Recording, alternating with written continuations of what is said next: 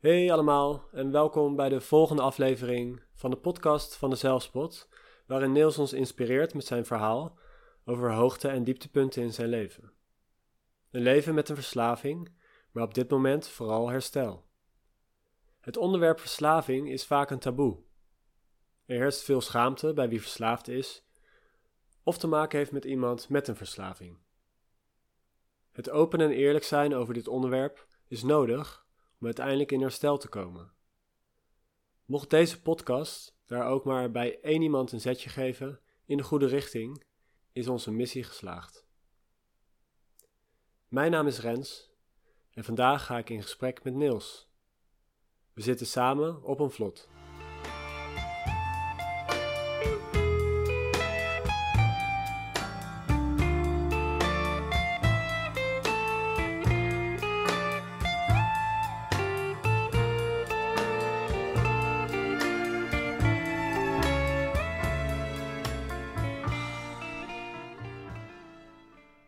Niels maakte vroeger samen met zijn vader een vlot.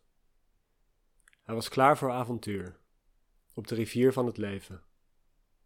Een leven waarbij de oever en het land moeilijk waren.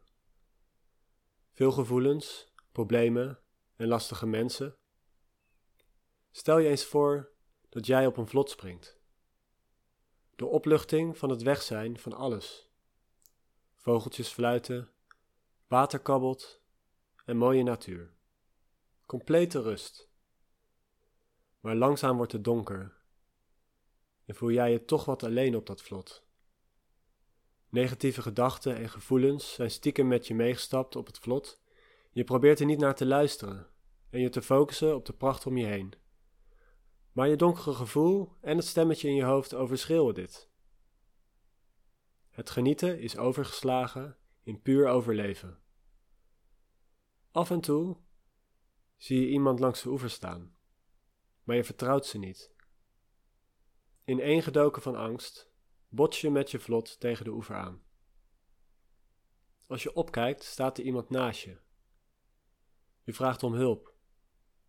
Daarna springt hij op je vlot en legt hij een hand op je schouder. Dan pakt hij een peddel en zet koers. Meer mensen voegen zich bij je en vertellen hun verhaal over eenzame gevoelens, onzekerheid en hoe zij ook lang alleen op een vlot hebben gezeten. De angst valt langzaam van je af. Ook jij deelt wat jou dwars zit en dit helpt ook anderen. Je voelt verbinding, je bent niet alleen. Dit lucht op en je durft weer voet aan land te zetten. Je begint weer te dromen en doelen te stellen je stapt soms weer op je vlot op de rivier, maar nu vaak samen, het avontuur aan je voeten. Niels heeft jarenlang alleen een oplossing proberen te vinden om met moeilijkheden om te gaan. Dit resulteerde in een verslaving. Inmiddels is hij in herstel en deelt hij over zijn ervaringen op zijn vlot, alleen en samen. Fijn dat je hier wil zijn om uh, jouw verhaal te delen uh, in de podcast van de Zelfspot.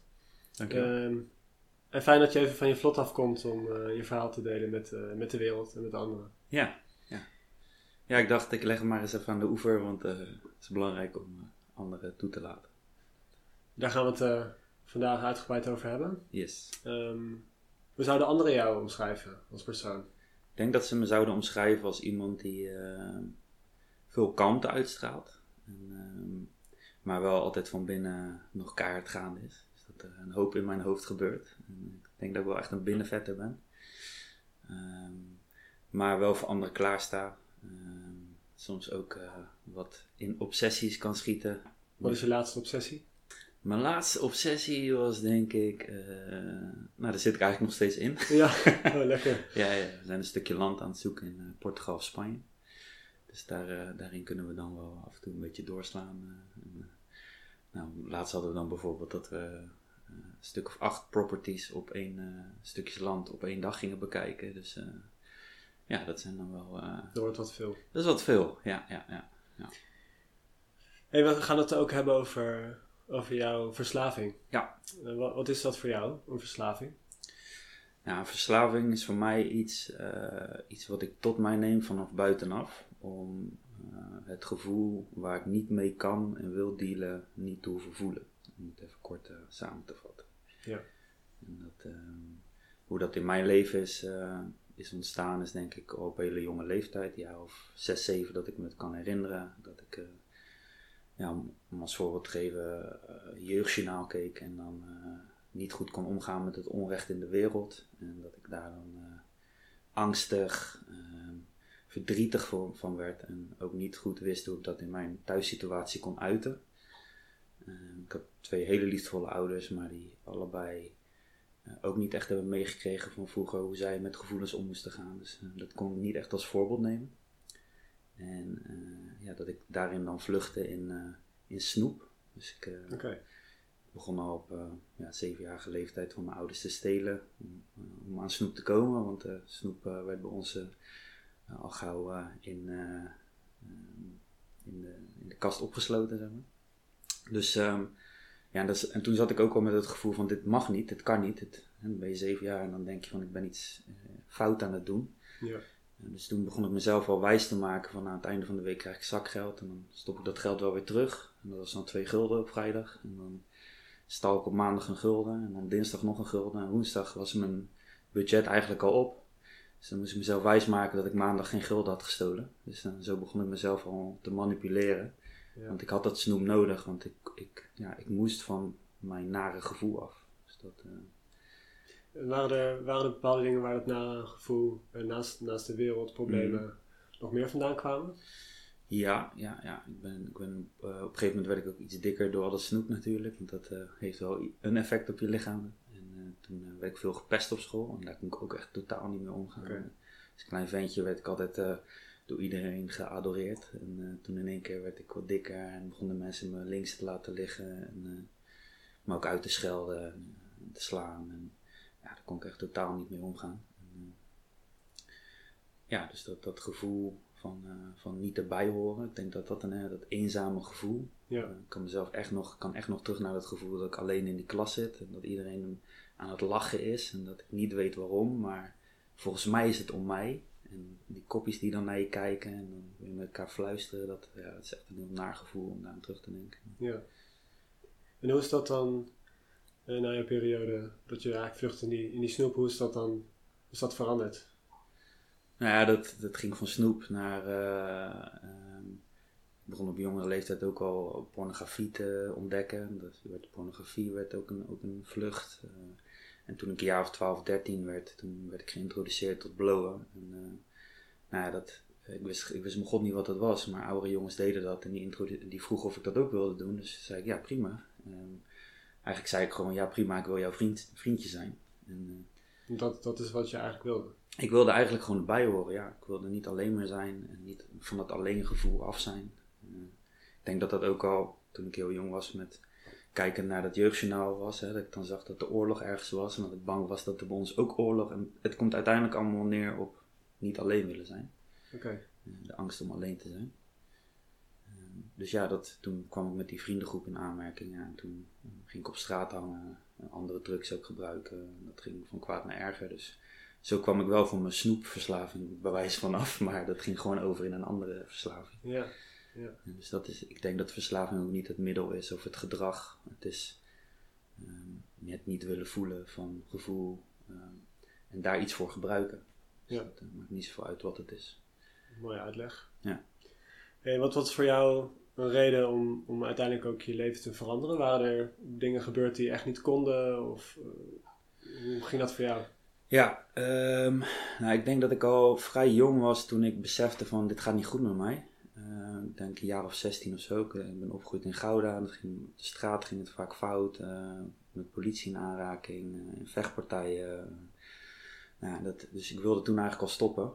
maar dat lukte niet. Ik werd ook heel paranoia, ook vooral van het blowen. en, um, maar de, ja, er waren geen oplossingen voor mij. De, ik, ik, ik, ja, ik kon er werd mij niet geleerd en ik, ik vroeg er ook niet om hoor. Ik bedoel, het is, ik heb een heel groot aandeel in dit verhaal. Ik kon er niet van afkomen, dus, um, Dus dat is nog doorgaan en doorgegaan. Ik heb ook in andere landen gewoond. Ik heb in, Londen gewoond voor een jaar. Uh, toen was ik 18. Ehm, ik dacht van ja, weet je, elke keer maar vluchten naar iets toe, maar ik nam mezelf mee. Um, in Londen heb ik een heel goed jeugdhostel gewerkt met 800 backpackers. En mijn, dat is ook zo grappig. Hè? De, de gedachte is dan, daar ga ik stoppen. Terwijl daar is een discotheek en 800 jongeren van over de hele wereld. Dus als je ergens niet gaat stoppen, dan is het daar. Maar ik was in volle overtuiging, ging ik daar naartoe met ik ga stoppen. En, ja. en dan continu weer terugvallen en ook, ook dealen. En je bent in een andere omgeving. Maar ik ben in een andere omgeving, ja. met je eigen gevoelens. Ja, ja, precies. En nou, één, één, één uh, dieptepunt is wel dat ik dat hele jeugdhostel uh, heb gesloopt in een dronken uh, bui. omdat ik vond dat ik onterecht werd behandeld door mijn manager. En dan mijn oplossing was heel veel drinken. En dan nou, hele, de hele boel op zijn kop zetten. En ja, dan daaruit worden gegooid op straat in Londen belanden. Nou, daar is, daar is de straten nog wat heftiger dan hier in Nederland. Dus op een gegeven moment werd het ook weer heftiger. En dan een telefoontje krijgen van een vriend van me die in Polen zat die daar een bedrijf aan het opzetten was. En uh, kom naar Polen en dan, uh, en dan uh, ik heb jou nodig daar. Dus voelde me ook weer, oh, ik ben nodig. Dus stapte ik in de bus naar Polen en dat ik, dat ik in die bus zit ook denk van, wat, waar ben ik nou mee bezig? Weet je? Maar dan toch weer de gedachte van, nou, misschien wordt het daar beter.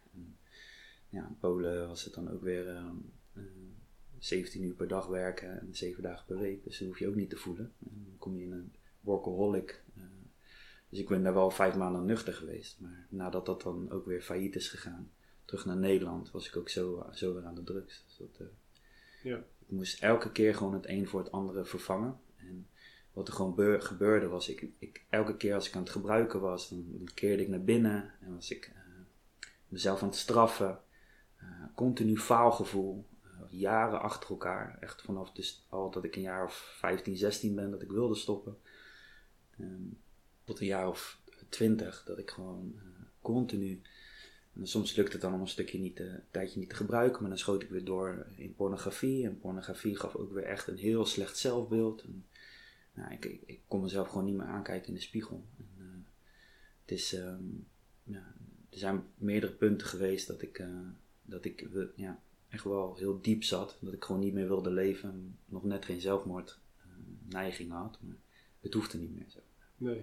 En, en, hoe zet je dat dan om naar een moment dat je daar verandering in brengt? Dat je er, er wel wat van wil maken en dat je in herstel wil komen? Ja, ja. Nou ja, we, we hadden het dus hè, dat over, over dat vlot, dat dan op een rivier vaart uh, en dat ik eigenlijk alleen op dat vlot zit en dat ik continu uh, op zoek ben naar iets, maar continu alleen maar op dat vlot aan, het, aan het zoeken ben. En, um, dus niet in contact ben met anderen. En ik weet nog dat ik dan in Rotterdam in een anti-kraakwoning met de gordijnen dicht zat te gebruiken. En dat een vriend van mij langskwam.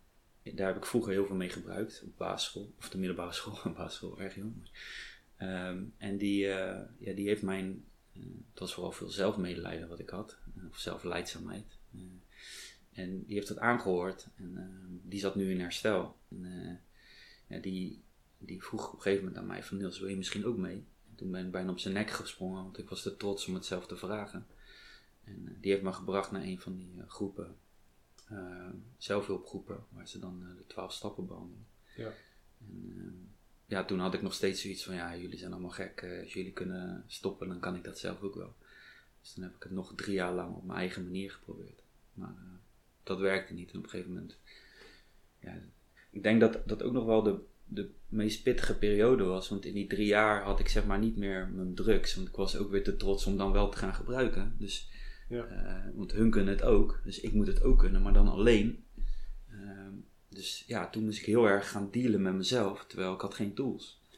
Uh, dus dat was wel, uh, dat was wel pittig. Ja. Dus als je zegt uh, stoppen, dan bedoel je, bedoel je dan niet alleen stoppen met drugs, ja, ehm, maar dus ook met, met andere destructieve gedragingen. Ja. Dus er is bijvoorbeeld niks mis met, met naar porno kijken, maar ik, hoe ik naar porno keek was dat ik heel veel porno keek en dat ik dan mezelf echt ging bestempelen als perver en mezelf dus helemaal te gronden richten. Dus dat, en dat is dus, of, of dat ik uh, drie chocoladerepen achter elkaar opvrat, weet je wel, of ja, of ergens anders de uiterste weer inzocht, zodat ik mezelf kapot ging maken. Dat ik, dat ik pijn ging voelen of dat ik mezelf helemaal verdoofde om maar niet te hoeven voelen. En dat kan dus ook op andere manieren als alleen met drugs. En eh, ja, daar ben ik ook een, een, specialist in, zeg maar. Ja, ja en, en na die drie jaar, wat, wat waren voor jou de stappen dat je voelde van nu ben ik wel e-, echt in herstel? Wat is het verschil? Nou, ik denk dat ik dat, dat vlot dus een keer gewoon echt aan de, aan de, aan de oever heb gelegd. En dus die, die vriend toe heb gelaten. En ehm, nou, op een gegeven moment ging ik dan weer terug naar die zelfhulpgroepen. Want ik, uh, ik heb de handdoek in de ring gegooid. En uh, ik weet nog, de, de laatste keer dat, dat ik echt uh, ja, weer in zo'n dieptepunt kwam, was dus dat ik s'nachts wakker werd. En dat ik gewoon porno ging kijken. En dat ik daarna zo slecht over mezelf voelde dat ik bij de buren in de tuin uh, de wietplantjes ging knippen. Want dat had ik natuurlijk al lang door dat zij wietplanten aan het groeien waren. En dat ik uh, dat ging roken en dat ik dan vervolgens in het bos liep en mezelf ja, echt gedachten had van ik hoef er niet meer te zijn, ik wilde niet meer. Dus dat, dat, Hoe oud was je toen? Toen was ik 23. En ja, dus ook alle mogelijke manieren geprobeerd om te stoppen. Ehm, ik dacht dat ik dat 12 stappen programma door had. Eh, de 12 stappen is dat je andere mensen gaat helpen. Dus ik heb een hele stichting opgezet voor kinderen in Brazilië. Ik heb die kinderen in Brazilië nooit gezien. Dus eh, de intentie van dat, dat, ik, dat ik dus anderen ging helpen was gewoon puur dat ik dan kon stoppen met gebruiken. En niet, uh, niet dat ik iets. Ja, ik, wil, ik wilde ook wel iets goeds doen, maar de, de hoofdintentie was dus niet voor hun, was voor mij. Dus het ging om mij. En dat is denk ik ook de, de bron van verslaving, het egocentrisme. Uh, wat bij veel uh, mensen met verslaving uh, heel aan de oppervlakte is. Wat kunnen anderen doen om iemand te helpen die verslaafd is? Of, of misschien wel iemand die in herstel wil komen? Mhm. Wat kunnen anderen in die omgeving doen? Wat heb je misschien ook zelf gemerkt? wat hielp? Um, ja, ik, ik, heb dan een, een, zusje die ook in herstel is van verslaving. En, ik ken ook wel meerdere mensen, maar ik denk dat het belangrijkste is, is dat, ehm, dat, wat je, dat je goed voor jezelf zorgt. Dus uh, het voorbeeld geven van hoe voor jezelf te zorgen. Omdat iemand die in verslaving zit, die uh, in actieve verslaving, die, die maakt zichzelf kapot. Dus het tegenovergestelde daarvan. En uh, soms is het dus ook heel belangrijk om, om zo goed voor jezelf te zorgen dat je zegt van tot hier en niet verder. Dus dan ook bij mijn zusje moest ik bijvoorbeeld echt aangeven van uh, als jij nu niet uh, afstand neemt van haar gedragingen die ze op dat moment nog uh, actief en dat was ook een, gedragsverslaving, um, dan hoef je niet meer naar mij toe te komen. En dat was net dat laatste duwtje in haar rug om echt volledig afstand te gaan nemen van dat gedrag en in herstel te gaan, hulp te gaan vragen en aan zichzelf te gaan werken. En dat, dat is best pittig, vooral als je van iemand heel erg veel houdt, om dan te zeggen: ik hoef je niet meer te zien als je niet voor jezelf gaat zorgen. Ja. ik kan, kan, me voorstellen dat er verwarring ontstaat uh, in, in, wat helpen is en wat mm. uh, redden is. Ja. Wat, ja. wat, is voor jou dat verschil? Ja, ik denk dat, dat helpen is echt naast iemand gaan staan.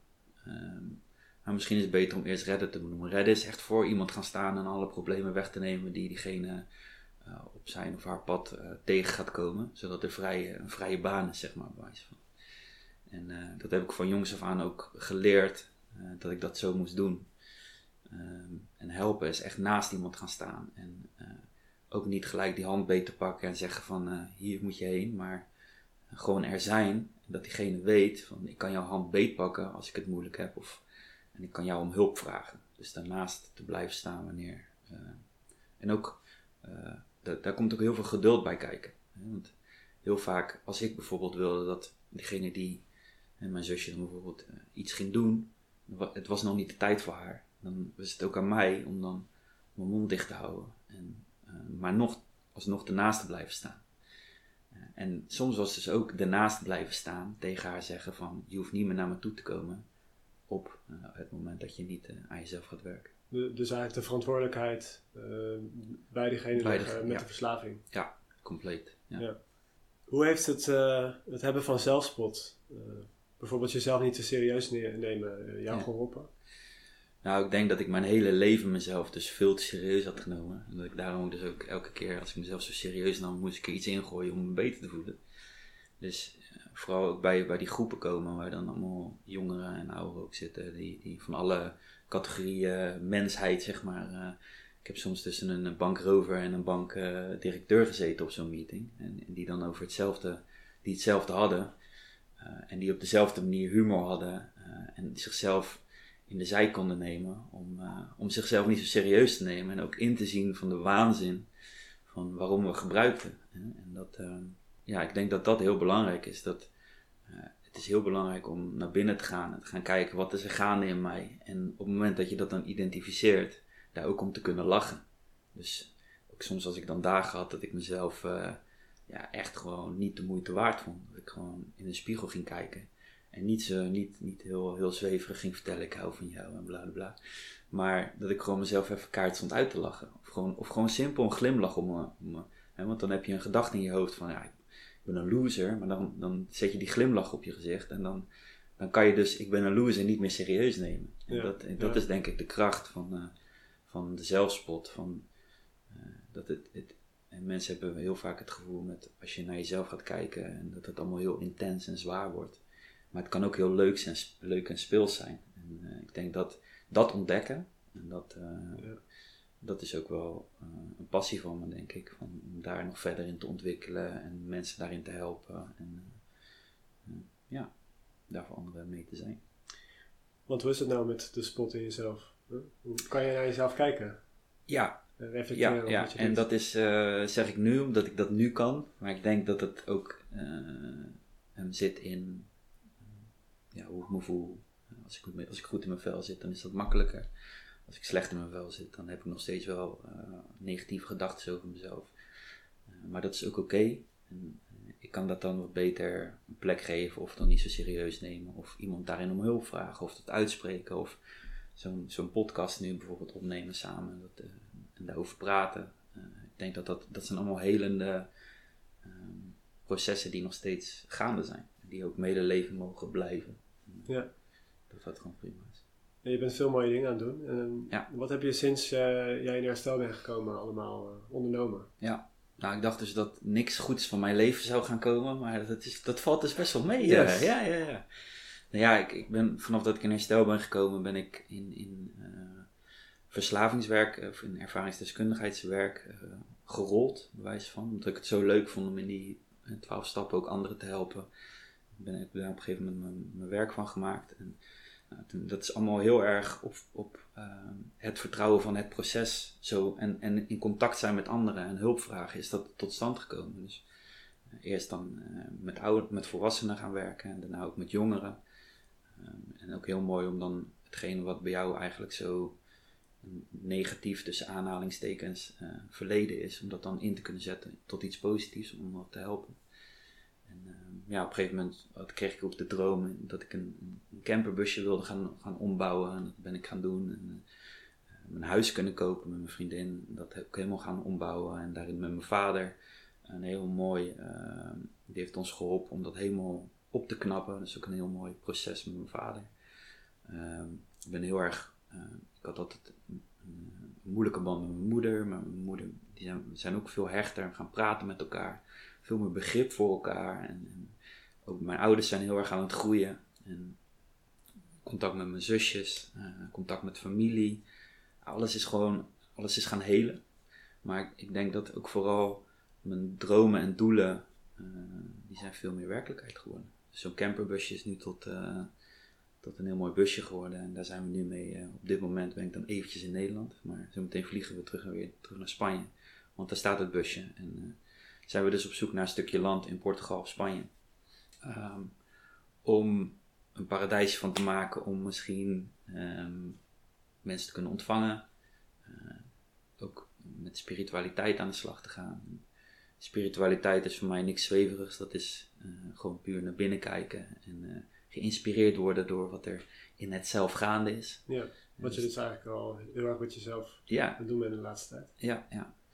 En ehm, ja, dus daar, daar zijn we nu mee bezig. Lekker aan het rondrijden. Allebei, mijn vriendin en ik, allebei onze baan opgezegd. Dus dat allemaal van die spannende dingen aangaan. Weet je, van die dingen waar, waar iedereen dan, dan zegt: Zo, als- nou, ja. Hè. En dat wij denken: Ja, ja, maar dat, doe je dan toch maar even. Ja, dat doen we dan toch maar even. En dat is niet altijd even Mensen vinden makkelijk. het spannend om je heen. Ja. Ja. mensen vinden dat spannend. En, en ook, maar ik denk dat ze heel vaak eh, zichzelf hun eigen gevoel spiegelen op ons dan. Want dan gaan ze zich voorstellen hoe, hoe dat zou zijn voor hun om dat Ja. te doen. En dan hoor je heel vaak in dat, van dat ze het heel graag willen. maar dan nog te spannend vinden om die stap te nemen. Ja.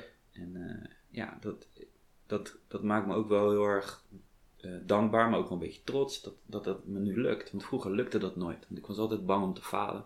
Dus dan deed ik het maar niet, want dat was safe, dat was Ja. veilig. Ja, dus je blijft niet meer in je comfortabele Nee. bubbel. Nee, Ja. nee, nee, nee. Dus dat, eh, dat is ook, nogmaals ook met zo'n podcast, weet je, dat eh, praten over pornografieverslaving bijvoorbeeld, dat is nog steeds heel, heel angstaanjagend eigenlijk, omdat mensen kunnen dan wat van je gaan vinden. En dat, nou, dat is dus niet meer zo belangrijk en dat is heel fijn om op die manier te kunnen Dat is fijn. Ja.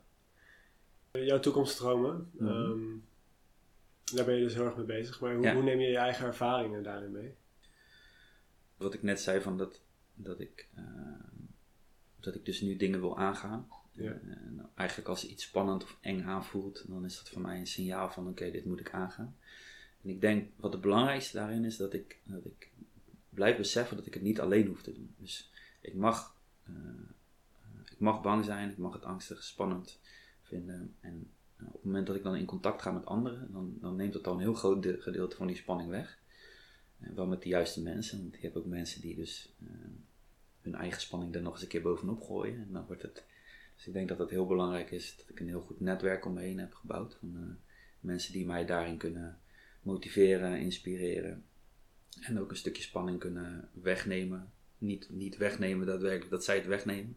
Maar doordat ik met hun praat, dat ik eigenlijk besef dat het eigenlijk niet zo heel spannend is. Omdat zij het kunnen relativeren met me. Ja. Ehm, hoe ik dat dan meeneem in de toekomst is dat ik dat graag aan andere mensen zou willen leren. Dus, maar dan in een setting waarbij, ehm, waarbij het zonnetje net iets meer schijnt. en eh, wat meer natuur om ons heen. En ehm, ja, ik, wij hebben dan ook het geluk gehad dat we een huis hebben kunnen kopen en kunnen verkopen. Dat we wat centjes hebben om een stukje land te kopen, hypotheekvrij. Maar met zonnepaneeltjes, ik zou ook wel eens willen weten hoe het is om zo helemaal off-grid.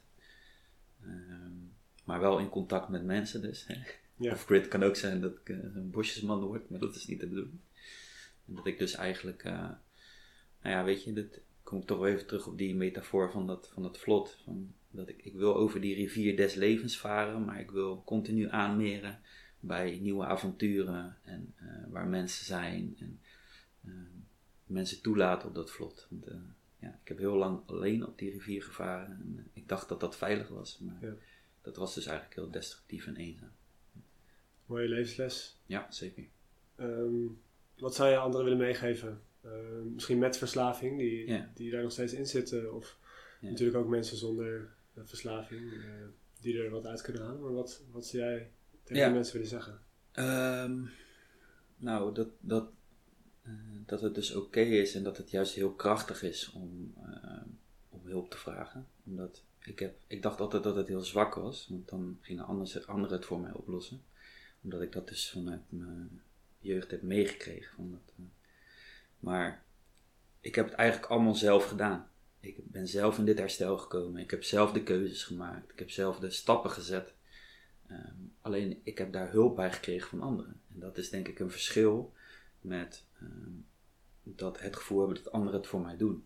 Dus ik heb het echt allemaal zelf gedaan, maar wel in contact met anderen. En dus als je verslaafd, als je een verslaving hebt of je bent jezelf helemaal ten gronde aan het richten, weet dat er mensen zijn die dat ook hebben gedaan en die weten hoe, hoe die eruit kunnen komen. En dat die dat graag met je willen delen en dat je het dan nog steeds zelf gaat doen. En dat dat ook heel belangrijk is, denk ik, want daardoor heb ik mijn, eigen, heb ik mijn zelfwaarde weer teruggekregen. En dat het ook pittig is, maar dat het gewoon heel goed te doen is. eh, in contact met anderen. En ik denk dat dat wel de, de meest belangrijke les voor mijzelf is, die ik soms ook nog wel eens vergeet. En dat ik dan weer eventjes wat dieper in die put raak. En dat ik dan, maar ik besef dan uiteindelijk wel weer, oh wacht, ik heb gewoon een telefoonnummer van iemand die ik kan bellen. Of ik heb mensen om me heen die begrijpen hoe ik me nu voel. En ik weet als ik één ding, en dat is ook het mooie met mensen die dus ook met hetzelfde, dealen, hoeven vaak maar twee of drie woorden te zeggen, waarin ze al een heel verhaal snappen. En dan ook juist precies dezelfde dingen durven terug te geven die ik nodig heb. Ja. Ja, dat, Ja. Mooi. ja Super mooi verhaal, eh, Niels. En, eh, thanks. Ja, bedankt dat je dit eh, wilde delen. Ja, graag gedaan. Eh, Dank dat je- ik hier mocht zijn. Ja. heel tof. Ik wens je super veel plezier met al je mooie plannen en dromen. Ja. En dat er maar veel mensen op jouw vlot mee mogen drijven. Ik eh, ga heel vaak aanmeren. Jij bent ook altijd welkom. Ja, gezellig.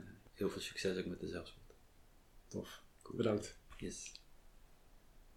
Ik hoop dat het verhaal van Niels je heeft kunnen inspireren om te weten dat er altijd iemand is om bij aan te meren en op jouw vlot over de rivier mee te varen. Heb jij vragen overgehouden na het luisteren van deze podcast? Stel ze dan gerust. Ga voor meer inspiratie naar de website www.dezelfspot.nl. Volg de podcast op Spotify en laat de spot op jezelf schijnen. Tot de volgende keer.